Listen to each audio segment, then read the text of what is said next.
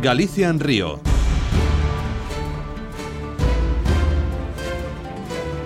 ...31, 29 por 2, gaña o equipo español, o equipo de Begoña Fernández... ...outra medalla máis para Galicia, está chorando xa Begoña Fernández. Os Xogos Olímpicos na Radio Galega.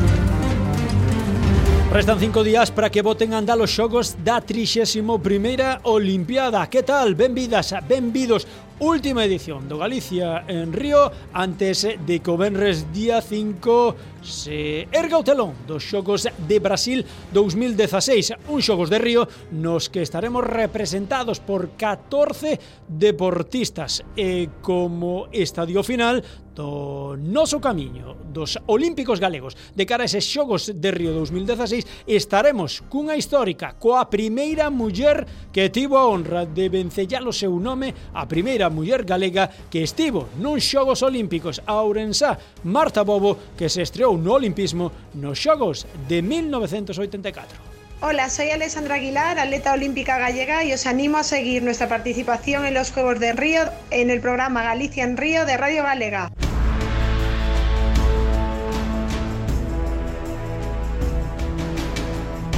Foi a pioneira e o seu mérito como tal é recoñecido neste Galicia en Río. Marta Bobo Arce, gimnasta galega ourensá olímpica nos Xogos de Los Ángeles 1984 ten a honra de ser a primeira muller galega en participar nuns eh, xogos olímpicos. Ao tempo ten a honra de ser a primeira muller que rematou primeira na primeira xornada da ximnasia nuns eh, xogos olímpicos, posto que este deporte, na súa modalidade femenina, estreábase en 1984 e ao finalizar a primeira xornada a líder desa clasificación era a galega Marta Bobo Finalmente, os eh, problemas, entre aspas, co aire acondicionado na Universidade de Ucla impediron a Marta Bobo poder subir ao podio olímpico. Finalmente, rematou na novena posición, pero queda para sempre vencellada a historia como a primeira muller galega que participa nuns eh, Xogos Olímpicos. Xa nos escoita Marta Bobo, xa está por aquí Pedro Pablo Alonso, xa está tamén Javi Torres na delegación da Coruña, onde xa chegou Marta Bobo para falar con nos, para conversar sobre olimpismo, feminismo e eh, Galicia. Marta Bobo, que tal? Moi boas, benvida ao Galicia en Río. Eh, moi boas, moitas grazas pola invitación. Que lembras xa 32 anos despois daquela participación túa nos xogos eh, de Los Ángeles, 1984? Oh, lembro moitísimas cousas. Eh, uns xogos olímpicos son unha experiencia única para unha persoa e máis para nosas ximnastas que habitualmente participamos nos xogos en idades bastante tempranas comparadas con outros deportistas lembro moitísimas cousas, moitos momentos moi especiais eh, sempre coa, coa añoranza, co gusto, da, con esa sensación de, de haber participado nuns xogos que, en certa maneira, cambiaron un pouco a, a forma de facer os, os xogos. Non? Foi no momento no, no que cambiaba un pouco a, a visión do, do deporte, expandías a nivel mundial, entraban outras cousas en, en acción, como eran os medios de comunicación xa, a difusión do deporte. E lembro aquela etapa con unha etapa moi bonita, moi importante, sobre todo de cara a Galiza e, e de cara a representación galega naqueles xogos que, bueno, pois foi a primeira vez que unha muller galega participaba nunhas Olimpiadas, que eso é, en certa maneira, un orgullo, un recordo, unha lembranza que teño e que para mí é moi importante. Sí, foi marcar un antes e un despois no deporte femenino galego, non? Eso, o nome de Marta Bobo quedará para sempre vencellado a historia do olimpismo galego como a primeira muller que estivo nos Xogos Olímpicos. Sí, eh, eu sempre o digo, o tema do bobo axudou moito, porque é un apelido moi particular. Eh, por outra banda, hai que, que lembrar que nesa etapa os medios de comunicación en xeral, a televisión tanto a nacional, a televisión española, como incluso os medios galegos, pois nesa etapa prestaron bastante atención ao deporte da ximnasia, en concreto a ximnasia rítmica, e a verdade, mm, habendo bastante competencia con xinastas madrileñas ou catalanas, o feito de que unha ourensá estivera ali participando foi, eu penso que unha forma de, de, de identificarse. A xente estaba de veraneo, nas praias, lembro que moitos dixeron tiña que levantarme moi cedo ás dúas ou tres da mañá polo cambio horario pero pero facíamos ese momento, ese esforzo para ver a Marta, a nosa Marta. E gustame moito cando din a nosa Marta, porque apropiáronse un pouco e sentíanse partícipes dese evento importante que son os Xogos Olímpicos. De, a, eh, por esa banda, pois eu síntome pois leda e, e, e orgullosa de haber representado a terra e haber representado as, as mulleres que comenzaban pois a pisar máis forte eh, lembremos que nos últimos xogos as nosas galegas Tamara e máis Sofía foron as primeiras en acadar unha medalla de ouro que é tamén un, un hito no deporte galego entón por esa banda moi moi contenta e, e sempre esperando, esperando a que chegue Río, con moitas ganas e con, con moita ilusión. Marta, remataches novena, que, que é unha gran posición. Que, que lembras da, da proba? Que, le, que, que lembras uh -huh. do que é o máis competitivo?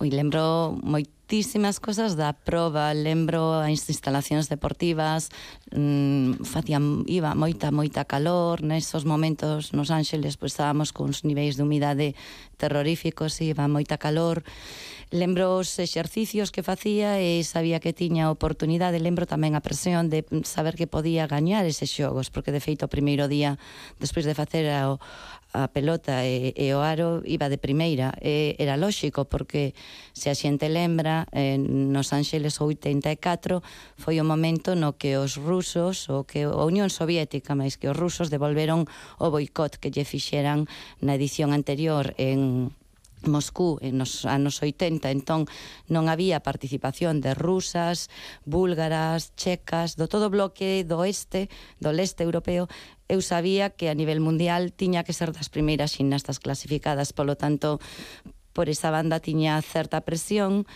Eh, eh, e, despois... e tamén lembra seguro, Marta, o aire acondicionado, non? Ese, Ese famoso tema. aire acondicionado. No, o, o, o, incluso ás veces vexo o vídeo e antes de comenzar a... Eu sabía que non o podía non podía facer o exercicio. Tiña moi claro, eh, porque o aire iba e venía, estaba máis forte, máis lixeiro. Intentara neses momentos co representante do Comité Olímpico Español, con don Alfonso o familiar Alfonso de Borbón faláramos e intentar facer algo ao respecto, pero dixeron que non podía ser por motivos de higiene e, bueno, a verdade é que as rumanas e máis as españolas, cando fixemos a cinta saímos bastante perxudicadas coas puntuacións, porque realmente non podíamos facer, non, foi imposible facer os exercicios. Pero bueno, foi unha experiencia e a verdade é que indo primeira, despois pasar ao posto 20 e ao final recuperar e acadar o noveno posto, pois un orgullo, un, un esforzo e outra forma de baterse un con, contra os elementos, non? E como se asume iso? Non era tan temperá como a que ti tiñas cando participache neses eh, xogos de 1984. Como asume, prácticamente eras unha nena, como se asume esa frustración de verte que tiñas opcións de poder estar no podio e que por unha cuestión allea ao teu rendemento deportivo, pois ao final rematache novena? A resposta inicial no primeiro momento é de, de, de, chorar, e de estar realmente enfadada e máis que nada disgustada. Esa é a reacción inicial. Despois, eu penso que un deportista que, sobre todo naquelas datas, eh, no que o deporte era máis amateur que, que profesional, no que realmente ti ponías todo, todo da túa parte e non había un motivo económico detrás, era paixón polo deporte. Entón ti, eh, para chegar aos Xogos Olímpicos xa vas desenrolando unha serie de habilidades persoais que che fan afrontar e enfrontar moitísimos eh, mm, baixóns e moitísimas dificultades. Entón eh, foi unha aprendizaxe máis, unha cousa eh, que hubo que superar eh, e dende logo que non iba a deixar. De feito, regresei a, a Madrid unha vez que tiven as vacacións de, de verán eh, despas dos xogos e despois fun a competir o campeonato de Europa en Viena no 84 que foi un moi bo campeonato polo tanto non tirar a toalla e, e seguir e, e saber que eso pode estar aí eh, que realmente os resultados son importantes, o, o, os medallas son moi importantes, ser campeón é importante porque un prepárase para gañar, pero o final o que un ten que ter é a conciencia tranquila e saber que puxo toda a carne no, no asador. E Marta, creo que tamén o que deberéis, debes lembrar non é, é que para ti case que foi un premio chegar a Los Ángeles, porque houve aí un, un proceso de selección ou unha cousa moi estrada non que, que acompañou a túa clasificación con, con un problema de, de competencia, podemos dicir, dentro da propia selección, non? da federación. Sí, aí, pois, neses momentos teño que, sempre o digo, teño que realmente pois destacar o, o, o apoio que, que tiven dos meus pais e, e da miña familia, porque houve un momento de repente Dende xaneiro do 84 tiven que deixar os estudos e dedicarme a adestrar pois oito horas diarias no gimnasio. Tiñas de idade, e, tiñas de idade de aquelas no 84? Mm, pois 18, cumprira en marzo, entón, bueno, pois de todos os xeitos, como tiñamos unha vida tan programada, éramos máis que non tomábamos decisiones máis como nenas rapaciñas, non? Era un pouco a, a visión que había entón das xinastas e baixo a disciplina do equipo nacional. Despois de moitos meses dedicándome xa especificamente para os Xogos Olímpicos, eu conseguir a clasificación clasificación no Campeonato do Mundo no 83 en Estrasburgo. E claro, eran unha catalana Marta Cantón e unha galega de Ourense, Marta Bobo. Daquela podemos pensar que o desenrolo da rímica o que a forza viña fundamentalmente de Madrid. Entón xa estábamos mm, a piques de, de marchar aos xogos, tiñamos que estábamos facendo unha concertación en, en, en Valencia, en, eh, xa preparatoria antes de ir a Madrid a recoller todo a vestimenta e marchar a, a Los Ángeles, eh, dixeron que Dun día para outro apareceu unha prensa que eu tiña anorexia nervosa, que non podía ir aos xogos sin eu saber nada daquelo. Entón, claro, os meus pais desplazaronse a Madrid, leváronme a todos os especialistas, fixeron un informe, un informe nutricional, un informe psicolóxico, entón o Consello Super... o Comité Olímpico Español eh, dixo que sí, que eu participaba. Foi como unha treta, mm, había dúas xinastas de Madrid, unha catalana, e solamente podían participar dúas xinastas, éramos catro, entón nese momento intentaron colarla, por así decirlo. E bueno, loitamos, e eu, aínda que non apoiada pola Federación Española de Xinasia naquel momento, pola presidenta, ne polo o secretario da Federación, que foron os que fixeron toda esta treta para, bueno, que eu non participase, pero si apoiada polo Comité Olímpico Español e pola miña familia, pois acudín aos xogos. E únicamente o feito xa desde ali nos Ángeles xa era unha victoria para min. Javi Torres, outro Ourensán de pro, podes preguntar a Marta sí, Bobo, eh? Sí, sí, no, eu quería un pouco tirar para, para casa, no? Eh, preguntarlle un pouco a Marta, porque eu aparte, eh, comentaba yo antes de, entrar no estudo, non? Criei-me xusto en fronte do, do Sinaxo 2000, non? Ali en, en Herbedelo, en, en Ourense, eh, vía pasar a, mo, a moitas eh, rapazas cando eu era cativo e, e adolescente. Bueno, como foron esos, esos comezos e como foi esa, esa preparación? Supoño que ao principio, Marta, realmente duro, non? É dicir, dicir, ya familia, quero dedicarme a sinaxia rítmica e, e tantas horas de, de esforzo, de, de traballo diario, non? Porque eso debe ser tremendo, non? Sí, pois, pues, indo un pouquiño as lembranzas, pois pues, ali, en ese pequeniño ximnasio xinasio, no xinasio 2000, no que por casualidade unas Navidad, un Nadal, a miña nai apuntounos e dixen, a mí encantame isto, mamá, por favor, eu quero facelo eh, todos os días ou apúntame ás clases de ximnasia rítmica con Aurora Martínez no Club 2000. E daquela o nome 2000 parecía tan lonxano, ano 2000 tamén, non? Eu lembro, pois, camiñando por Ourense, vivía na rúa, paseo, baixaba, atravesaba, pois, eso, o, ali, o, a ponte, e chegamos ao ximnasio 2000. E foi todo todo un pouco así unha carrera un pouquiño rápida, porque daquela non nos iniciábamos tan, tan, tan cedo como agora, e a partir eh, foi nun campeonato da man de Aurora Martínez e Antonio Prada que foi presidente da Federación Galega de Ximnasia que Ourense fixo moitísimo. O Club 2000 foi o que realmente iniciou desenrolou, fixo escola pola ximnasia rímica esta, esta figura hai que reconocerla a Aurora Martínez Vidal. E mm, a partir de aí pois nun campeonato de España de repente quedo terceira e a seleccionadora din pois ti tes que vir a Madrid. Ela veu a Ourense, falou cos, con, con Aurora, falou cos meus pais, e dixo, quero ter a esta galeguiña en, en Madrid. Eu tiña daquela 13 anos, e en certa maneira dixeron, ti que queres facer. Claro, para mí era moi complicado porque eu teña imaginado unha rapaciña nos 80, Ourense, un, unha vida pois familia numerosa, todo moi pequeniño, moi controlado e de repente pois marchar a Madrid sola, e ter que facer un pouco a, a propia vida. Decidín marchar moita morriña, moito esforzo, moitas horas de gimnasio, moito estudo, porque iso sí que a xente que este escoitando, e hoxe en día eu sei que hai moitísimas rapaciñas pequenas, que xóvenes, moi xóvenes, que están a dedicar moitísimas horas ao adestramento da ximnasia rítmica, porque a verdade é que está a un nivel de exixencia moi alto, pero non se poden deixar os estudios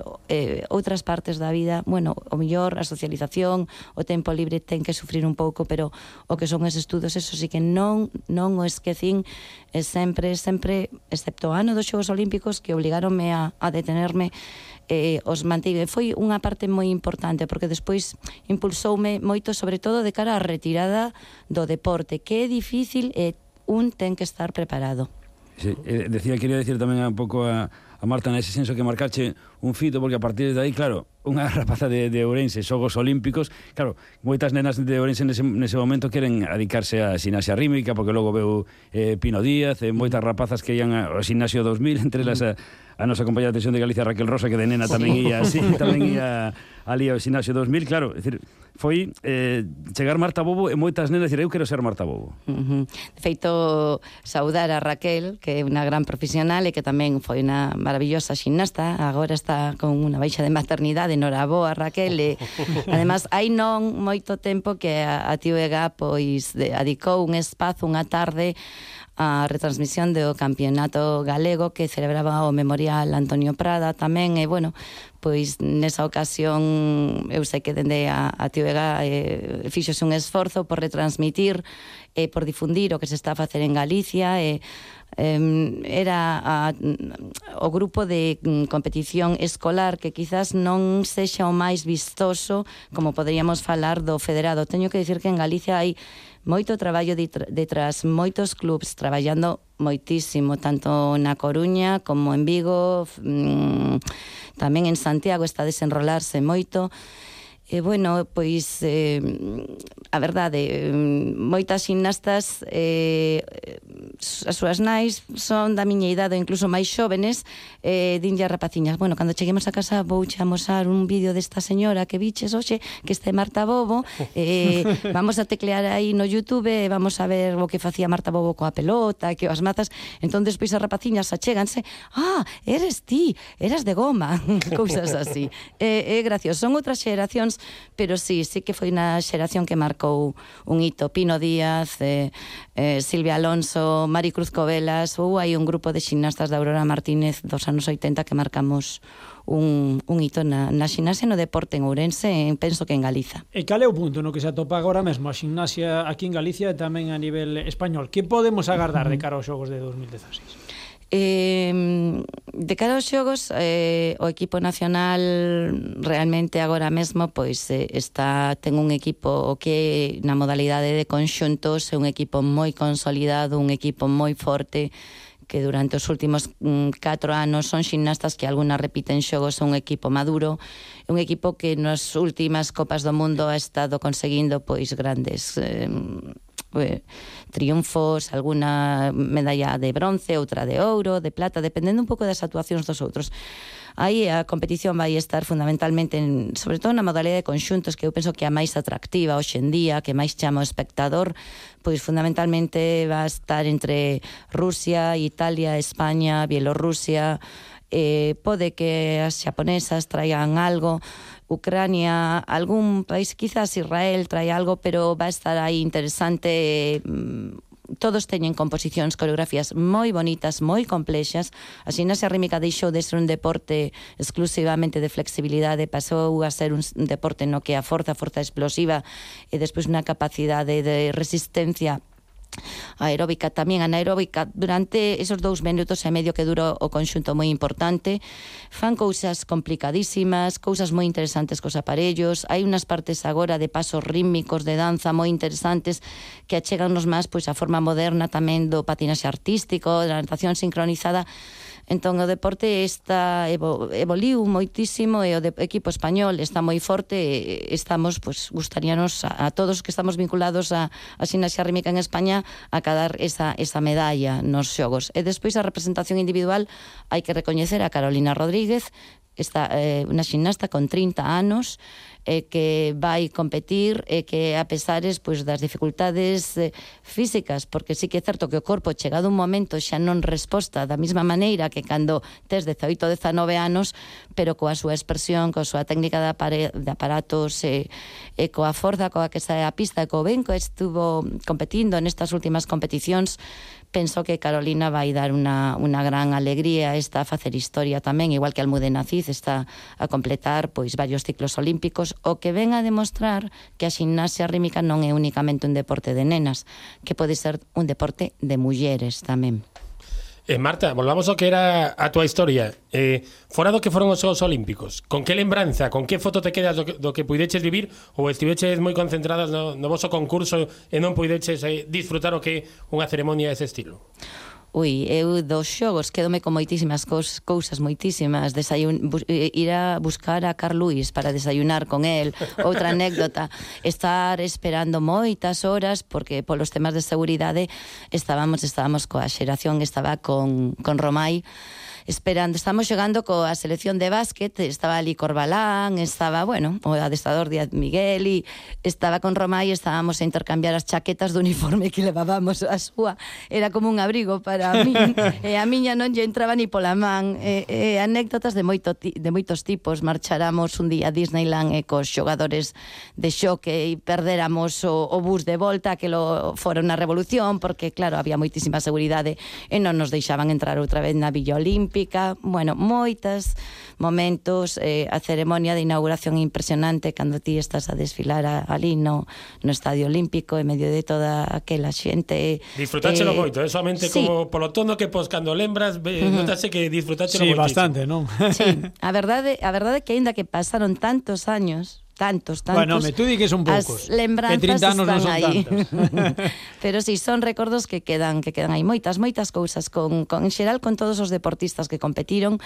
Eh, coa e despois co, co, co, todos os equipos españoles, porque é unha oportunidade para estar cos mellores deportistas españois de todas as disciplinas. Eso é unha maravilla. Xa viaxe todos xuntos no avión, as guerras de almofadas podes imaginarte. E a partir de aí continúa coa convivencia na, na Villa Olímpica e todos animando a todos e, e todos sentíndote parte dunha como dunha mesma familia. E que ademais aí coinciden que son os xogos en 1984 no momento que se atopa o mundo en Estados Unidos anos, non? Uh -huh. por, por espectáculo que tivo que, que rodear toda a organización, todo o que levou consigo eses xogos, eu era moi pequeno, eu tiña nove anos, pero lembrome perfectamente moitas cousas que había pola tele deses xogos que, que son das miñas primeiras lembranzas como como aficionado ao deporte, non? Que, que, que un garda. Sí, os xogos un pouco, pois, pues, non sei, non sei se dicir da, da modernidade, sí, pero, pero sí da, do, non sei, de, do, do showmanship, da, das cousas espectaculares, dos americanos que, que viñan marcando tendencia,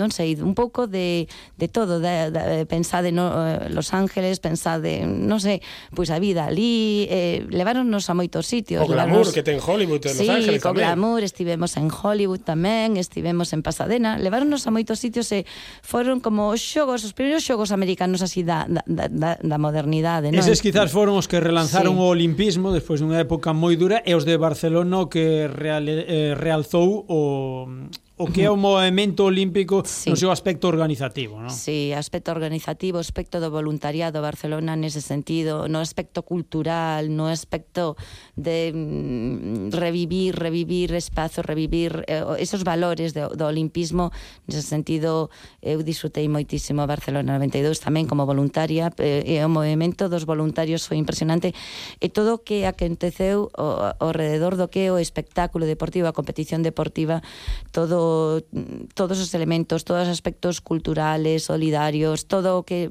cambiou Barcelona como cidade, a verdade é que sí, mm, eu estou totalmente de acordo. Marta, ti puidache estar nun xous olímpicos, xa debutache no anterior Galicia en Río, onte estiveron aquí dous rapaces galegos que van debutar en Río nun xogos olímpicos, eh, Óscar Carrera e Rodrigo Germade, formando parte do K4 español. Uh -huh. Deixaron unha pregunta para a nosa invitada doxe, para Marta Bobo. Escoita que pregunta deixaban ti pensa en que pregunta vas deixar tamén para un deportista que estivo, está ou estará nun xogos olímpicos. Uh -huh. Si, por ejemplo, hace cuatro años se imaginaba estar donde está.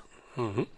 Ti, Rodrigo, que querería saber? Que é esa cuestión, que é esa incógnita que che gustaría desvelar sobre un deportista olímpico? Pues ¿qué sentiría y cómo celebraría el, el entrar por meta o, o ganar su, su final? Ese momento justo en el que se da cuenta que, que ha conseguido lo máximo. Tras, trasladamos a pregunta. Marta, uh -huh. cando tiñas 14 anos, pensabas uh -huh. que poderías chegar aos 18 uns Xogos Olímpicos? Eh, eh de ninguna maneira. Non, non era por, porque eh, Eras simplemente moi cativa. Non é que fora moi cativa, é que incluso a ximnasia rítmica non estaba non era olímpica. Olímpico, entón, era imposible daquela claro. porque outro das eh, mm, datos ou feitos de, desa época que era a primeira vez que había ximnasia rítmica nos Xogos Olímpicos, estrenábase o deporte, eh, o sea, xa, pioneira que foi fun pioneira no deporte tamén. Entón, cando tiña 14, imposible pensalo porque a gimnasia non estaba no, pro, no, no programa olímpico. E como te imaginas que pode ser eso de subir ao podio máis alto que che colguen a medalla de ouro que son o himno español. Eso, esa, eh, eh, describir ou, ou dar nome a, a emocións ou a sentimentos é algo que para, para min en particular é, é, moi, é moi difícil porque eu digo a xente que hai que vivilo e, e que é imposible explicalo. Imagino que eh, aínda que eu non subín realmente eh, eh, nunca eh, a, eh, a recibir esa medalla, eu sabía que a merecía. Entón, outras veces ou noutras ocasións, pois simplemente empatizo e cando vexo, por exemplo, o ver a, a Tamara e Sofía en Londres 2012, cando estaban a recibir a medalla, é o feito de compartir e de vivir ese momento, de apropiarse un pouco desas sensacións. Ademais, tiven a sorte de telas como alumnas na facultade. E a verdade é que é algo moi bonito, é algo moi especial, é algo único, e que únicamente certas persoas que son especiais, que son as que van aos Xogos Olímpicos e consiguen eso, poden vivilo, pero non explicalo nin describilo. E Marta, hai que darlle un pequeno tirón de orellas a Támara que a tivemos aquí e lembro eu, Pedro, que lle preguntamos quen fora a primeira muller galega olímpica. Sí, e, pero eh, non, está, non dixo Marta non, non, pobre, pobre, ela está moi ocupada está moi moi concentrada nos xogos. Estivemos aí pon xuntas nun acto no, no Paraninfo da Universidade eh, están con, con moitas cousas, moita tensión. Imagino que incluso para ela adicar tempo a facer unha entrevista tivo que ser un esforzo, polo tanto Desexo a Tamara a todos os participantes, a todos a todos os deportistas, os chicos, as chicas galegas que van a Río, os, os mellores das sortes, os mellores resultados.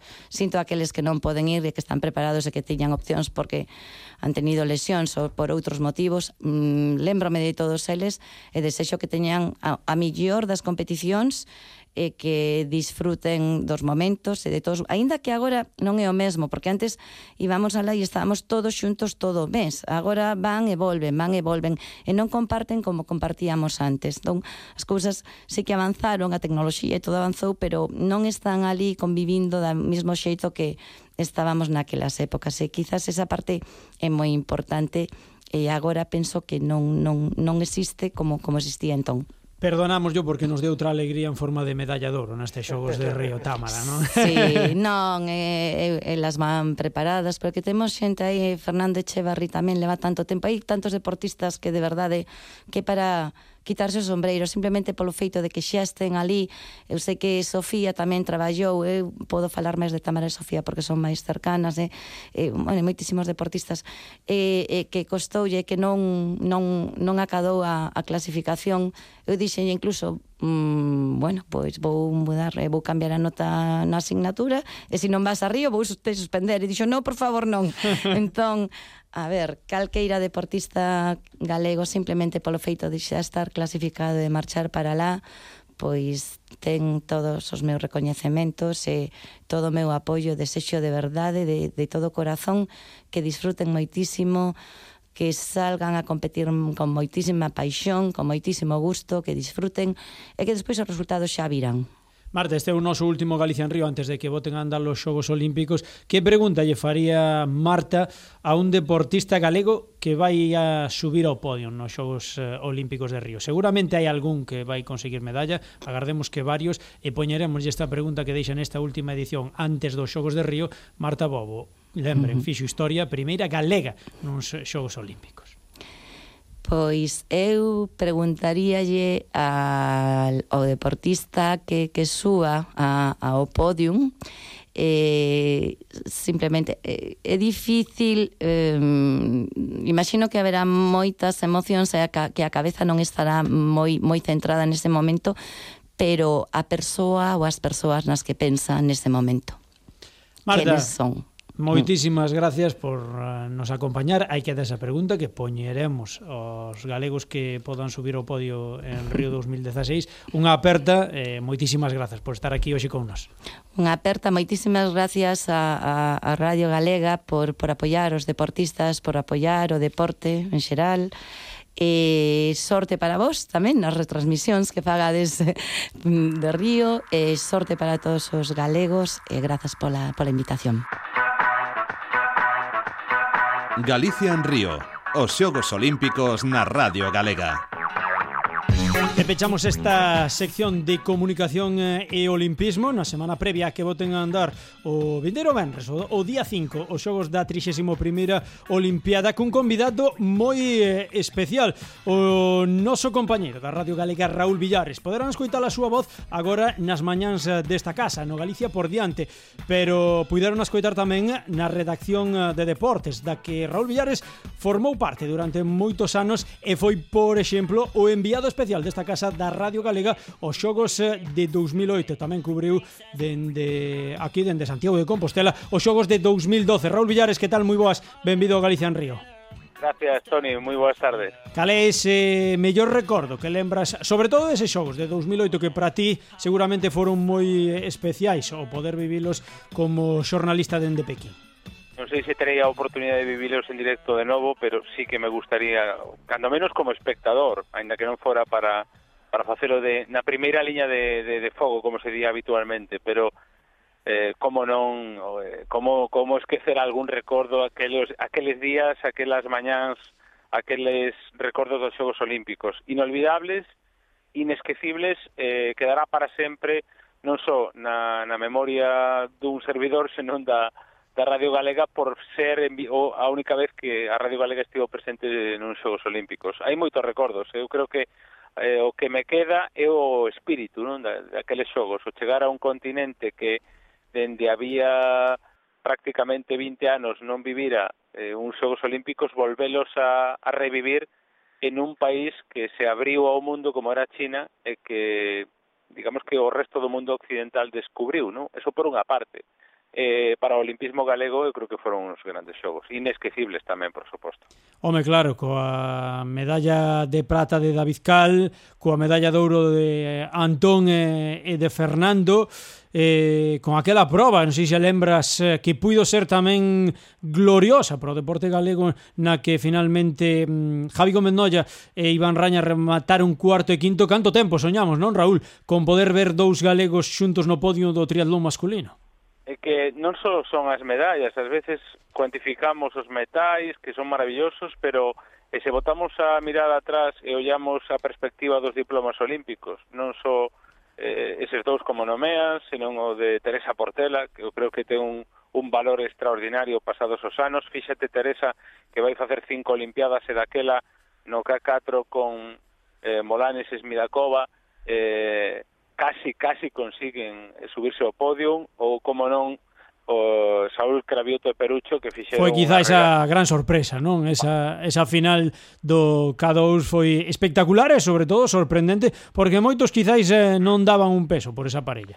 Sí, se repasamos as medallas vemos que con David contábamos, non sabíamos de que cor. Era un sabíamos, seguro. sabíamos que ia estar no podio. Con Javi contábamos, e foi digamos, o, o gran dolor, non? Que tivera un problema físico e que non subira ao podium. Con Antón e Fernando tiñamos esperanzas, non sabíamos de que cor, pero o traballo durísimo que fixeron e como chegaron preparados cabía albergar esperanzas. Pero ninguén contaba con Perucho e con Saúl.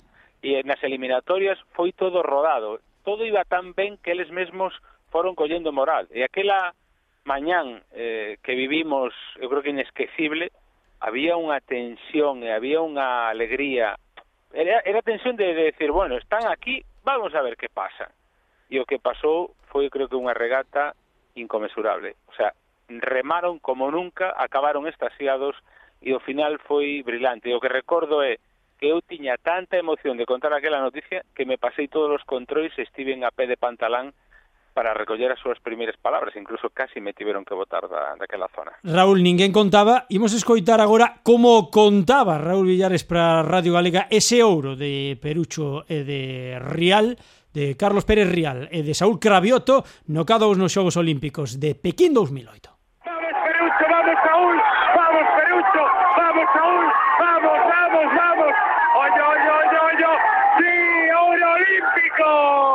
Supoño que aínda che segue traendo moi gratos recordos esta narración, escoitala así pasado xa case que oito anos dende aquela medalla de ouro de Perucho e de, e de Saúl. Sí, ademais que remaron a un ritmo de paladas eh, descomunal, eh, foi igualadísima, era imposible saber quen ía en cabeza porque tantos húngaros como creo que eran os Alemania, non? Os que foi segunda. Perdón, sí, que levaban sete anos, creo, sin perder unha sola regata nesa modalidade. Exacto, era Alemania e os húngaros ian tan emparellados os italianos que non se sabía quen ia adiante. Eh, mm, por, por media proa, por un, por un anaquiño de barco, foron ao Ouro Olímpico e aínda hoxe eh, recordando aquelo, a verdade é que se, se me pon o, o, o pelo de punta ao recordar aquela, aquela medalla de ouro. Lieu estes días, Raúl, unha entrevista con Saúl que aspira a sumar en Río outra nova medalla e a converterse nun dos grandes eh, padexeiros da historia do piragüismo español e universal que se planteaban aquela carreira como unha proba de 400 metros e os últimos 100 xa se vería que había que salir a tope, facer unha proba de 400 metros e que incluso que non se creían cando cruzaron a liña de meta mm. eh, vendo que o barco alemán alemán levaba gañando todas as regatas tantos anos consecutivos, pensaban que serían prata ou serían bronce e que evidentemente a alegría foi enorme cando viron aparecer nas pantallas a España como medalla de ouro nun xogo sí, Porque ademais eso é a Fórmula 1 do, do piragüismo, eh, aí hai que estar moi preparado, preparado. probablemente se fora eh, a doble distancia do que percorreron, non gañarían o ouro. E ao mellor nin sequera subirían ao podium, pero eh, falamos de dous padexeiros moi explosivos que llevan as distancias curtas. Por iso eu creo que Saúl, eh, co paso dos anos eh, e coa experiencia que ten, pois o mellor de oito anos despois é capaz de darnos outra alegría. Por que non pensalo? E con eh, outro galego, eh? A ver se si volve a maridar claro, ben Saúl con sí, outro galego, con Cristian. Sí, eu, eu creo que sí. Ademais, esa experiencia de Saúl eh, vai ser positiva.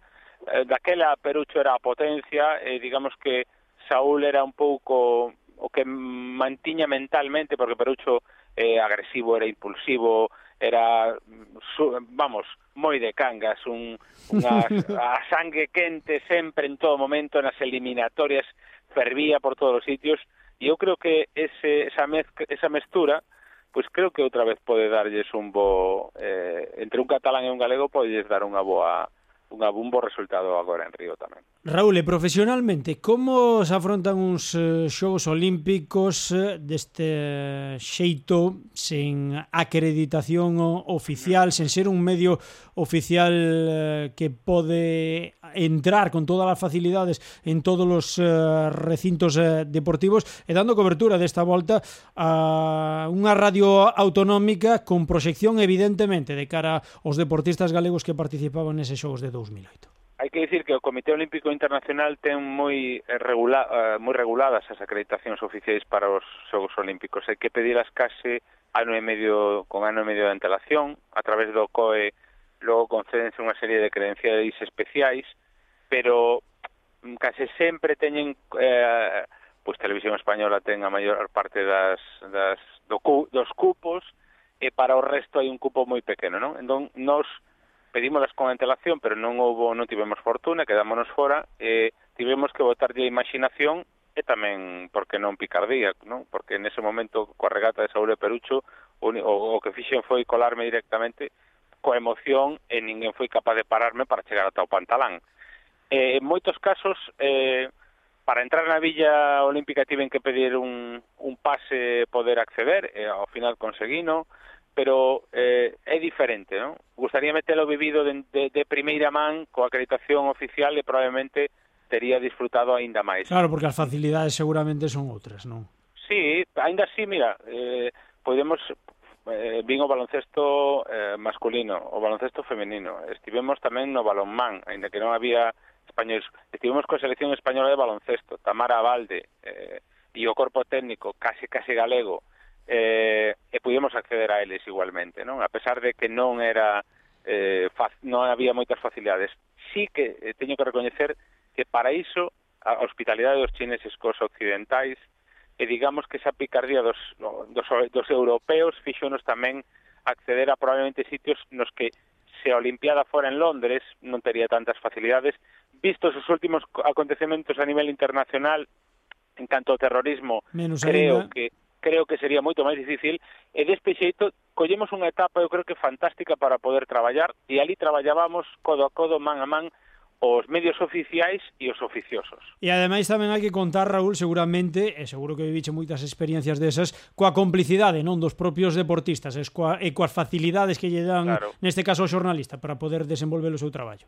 Claro, eh, Alexandra Aguilar, que estaba na, na Vila Olímpica, pudemos acceder a ela grazas á súa xenerosidade, eh, pois imagínate, nun centro comercial chinés atopeime con Jesús Carballo Pai, originario de Cangas, e ali estivemos departindo con el, non puxo ningún impedimento a facerlle unha entrevista no me, na metade do centro comercial, eh, na, na concentración de Vela eh, a, a Chindao, que era onde estaban Antón e Fernando e Chavarri, voamos a víspera para a regata final, para para a regata eh, que puntuaba doble en a que se proclamaron campións olímpicos eh, foron nos recoller ao aeroporto e estivemos con eles ata case que se deitaron na víspera do, do acontecemento nun acontecemento tan importante co concentrados que estaban eh, no piragüismo unha vez rematadas as probas os propios deportistas acercábanse ás familias e aos medios galegos recoñecendo, recoñecéndonos e tamén Javi Gómez Noia que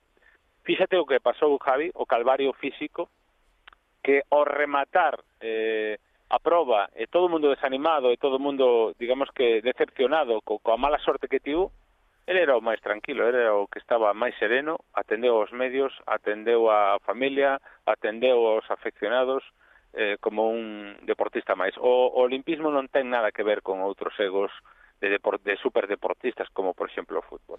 E Javi, Raúl, a gran ausencia da delegación galega, lembremos, van ser 14 os deportistas da nosa terra que participen neses Xogos Olímpicos. E Javi, a gran ausencia, todos contábamos cunha medalla, non sabíamos o cor. Agardábamos que fora o ouro, porque é o que lle falta no seu eh, palmarés, pero sen Javi incluso levamos un equipo galego moi potente a estes Xogos. Que posibilidades e que opcións ve Raúl Villares de que podamos traer para para aquí, para casa medallas? Pois pues mira, falando do de Javi, hai que ter mala sorte para que esa fractura non fose máis pequena e pudese haber unha recuperación rápida, non? Porque un deportista de élite en condicións normais cunha fractura sin complicación seguro que que chegaría. Probablemente Javi tampouco quere facer o ridículo entre comillas e non vai arriscarse a ir sen estar plenamente recuperado. Probablemente chegaría a tempo, pero non no 100% como el quere e ele é un gañador e non vai arriscar en algo tan importante. O olimpismo eu creo que lle debe algo a Javi, a pesar do de Londres, que foi bonito, pero non foi redondo, como todos esperábamos despois da decepción de Pekín e do problema que tivo, e agora parece que oito anos despois volves, volves a repetir. Non, eu mm, teño que duvidar moito que, a pesar do optimismo, de que se coide, de que chegue a Tokio, dubido moito que Javi poida ter unha poida estar nunha cuarta olimpiada, o Gaia me equivoque. E con respecto ás opcións, eu creo que sempre vai haber eh, posibilidades, creo que unha vez máis vai haber moitos diplomas, mm, porque hai deportistas capacitados para para iso. Confío moitísimo en Támara, es, é unha superatleta, preparadísima, eficiente, traballadora, meticulosa, concentrada eh, tivemos a oportunidade de coñecela despois dos xogos de Londres in situ e deume unha sensación como deportista e como persoa extraordinaria, así que en Río eu creo que vai haber vai haber metal se as condicións son normais. Eh, no 49er masculino creo que está ben traballado, pero é a primeira vez, bueno, non sei o que o que vai pasar aí. A, a, combinas tamén a experiencia e a e a, e a Bisoñez, non? Vamos a ver o que pasa. No piragüismo pode pasar calquer cousa. Algúna das tripulacións vai estar vai estar arriba. Gustaríame por, por corazón, non sei o que como chegará, que Teresa Portela tivese premio por fin, non? O sea, algo así como un gran colofón a, a unha gran carreira e unha gran deportista como é. Non? E despois de cinco presencias nos Xogos Olímpicos sería extraordinario, aínda que ao mellor esta vez chegalle tarde. Vamos a ver se si é a gran alegría de, destes xogos. Logo hai outras modalidades que eu creo que poden sorprendernos. Caso de Miguel Alvariño, barrendo para casa das Pontes de Ferrolterra, e que o coñecemos ben dende pequeno, é un gañador nato, é un tipo super concentrado. Eh, falábamos ti máis un día que pois as memorias dun neno labrego. Non se foi para o Car, non se foi para a Blume, está entrenando ali, no poboado, no campo das Pontes. El só, concentrado, tirando as súas, como nos contou, 3.000, 4.000 flechas, sin ningún problema, tranquilo, lonxe do mundanal ruido, lonxe das tonterías da Federación Española de Tiro con Arco, que moitas veces fai concentracións para non sei que, Aproveita eh, algunha tarde que outra para irse dar un baño ás boas claro. praias galegas que temos para se relaxar e para eh, se concentrar. Eh, como é un tipo tan, tan, tan sumamente tranquilo eh, que a alta competición non lle afecta desa maneira, pois eu creo que vamos a ter aí unha oportunidade. Non sei se no individual ou por equipos. Por equipos son tres, dous deles están moi ensamblados, un non tanto, pero bueno, vamos a ver. Eh, El xa o fixo na Copa do Mundo, fixo nos xogos europeos, fixo nos mundial junior, non sei, eu creo que aí hai posibilidades. Raúl, eu dixen Al... que o último día antes dos xogos ia facer a miña aposta, o meu pronóstico de cara a estes xogos de 2016.